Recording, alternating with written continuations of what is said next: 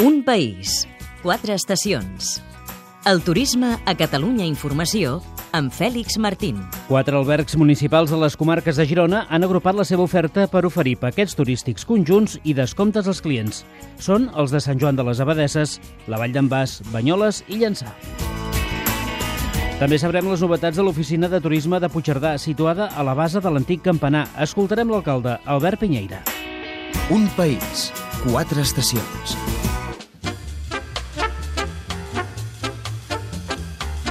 Quatre albergs, un al nord de la Costa Brava, un altre del Pla de l'Estany, un tercer a la Garrotxa i el quart al Ripollès uneixen esforços.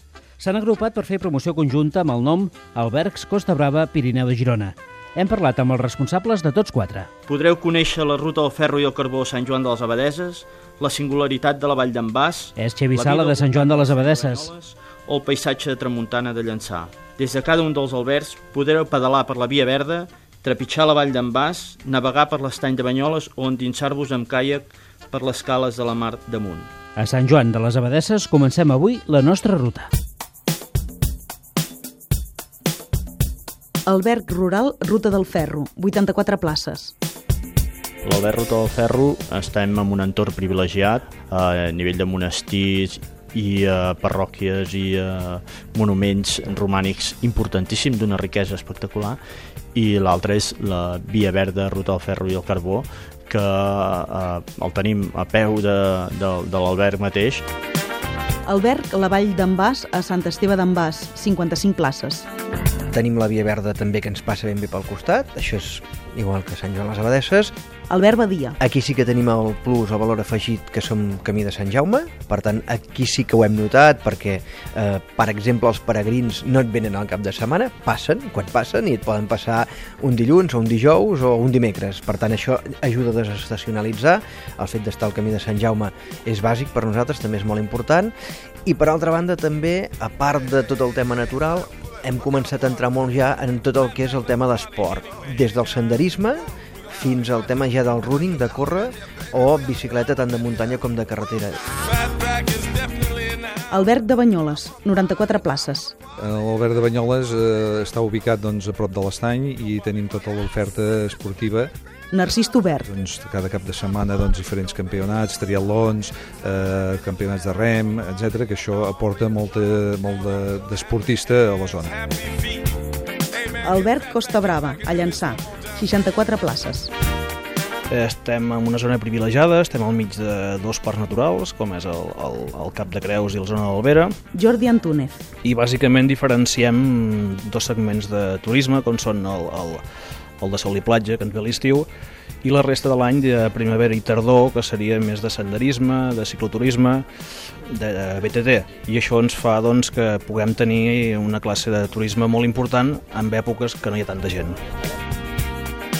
Tots quatre ofereixen la possibilitat de programar una ruta a peu o en bicicleta passant pels quatre llocs i anant a dormir a l'alberg corresponent. A més, ara regalen una nit i esmorzar gratuït si s'ha estat a tots quatre. Tu al matí pots estar fent un cafè doncs, a, a Sant Joan les Abadesses i a la tarda pots estar perfectament a llançar veient el mar. Si jo puc oferir doncs, sol i platja i un altre alberg doncs, pot oferir muntanya, què més que entre tots quatre poder ofertar tota aquesta classe de, de turisme i, en definitiva, poder tenir més gent en els nostres albergs. Un país, quatre estacions.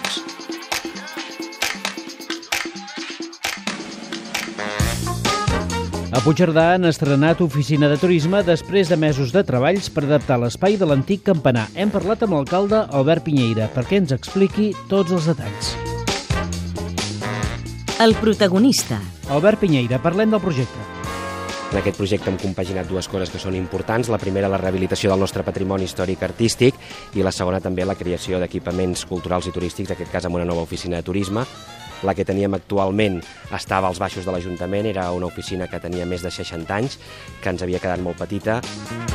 Com a coses singulars de, de l'actuació que s'ha fet, hem recuperat l'arcada de l'antiga església, la portalada gòtica de marbre vermell d'isòvol, es podran visitar les dues criptes que hi ha a, a baix, a la base del, del campanar, i tot el centre, que és la part que hem tancat en vidre, és el que s'utilitzarà com a nova oficina de turisme d'aquí de, de Puigcerdà. A partir d'ara, com que tindrem l'oficina de turisme oberta tot l'any, també podrà ser visitable el campanar durant tot l'any, que també això serà interessant, especialment la part del capdamunt, la part del mirador, que és una de les millors vistes panoràmiques que hi ha sobre la Cerdanya, sobretot a la vall.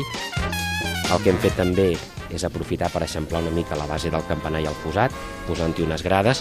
La idea és que aquest espai el puguem utilitzar per fer-hi activitats culturals de petit format, per poder-hi fer música, dansa, poesia, activitats infantils.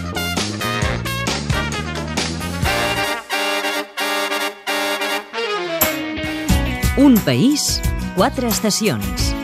Un programa realitzat des dels centres territorials de Catalunya Informació.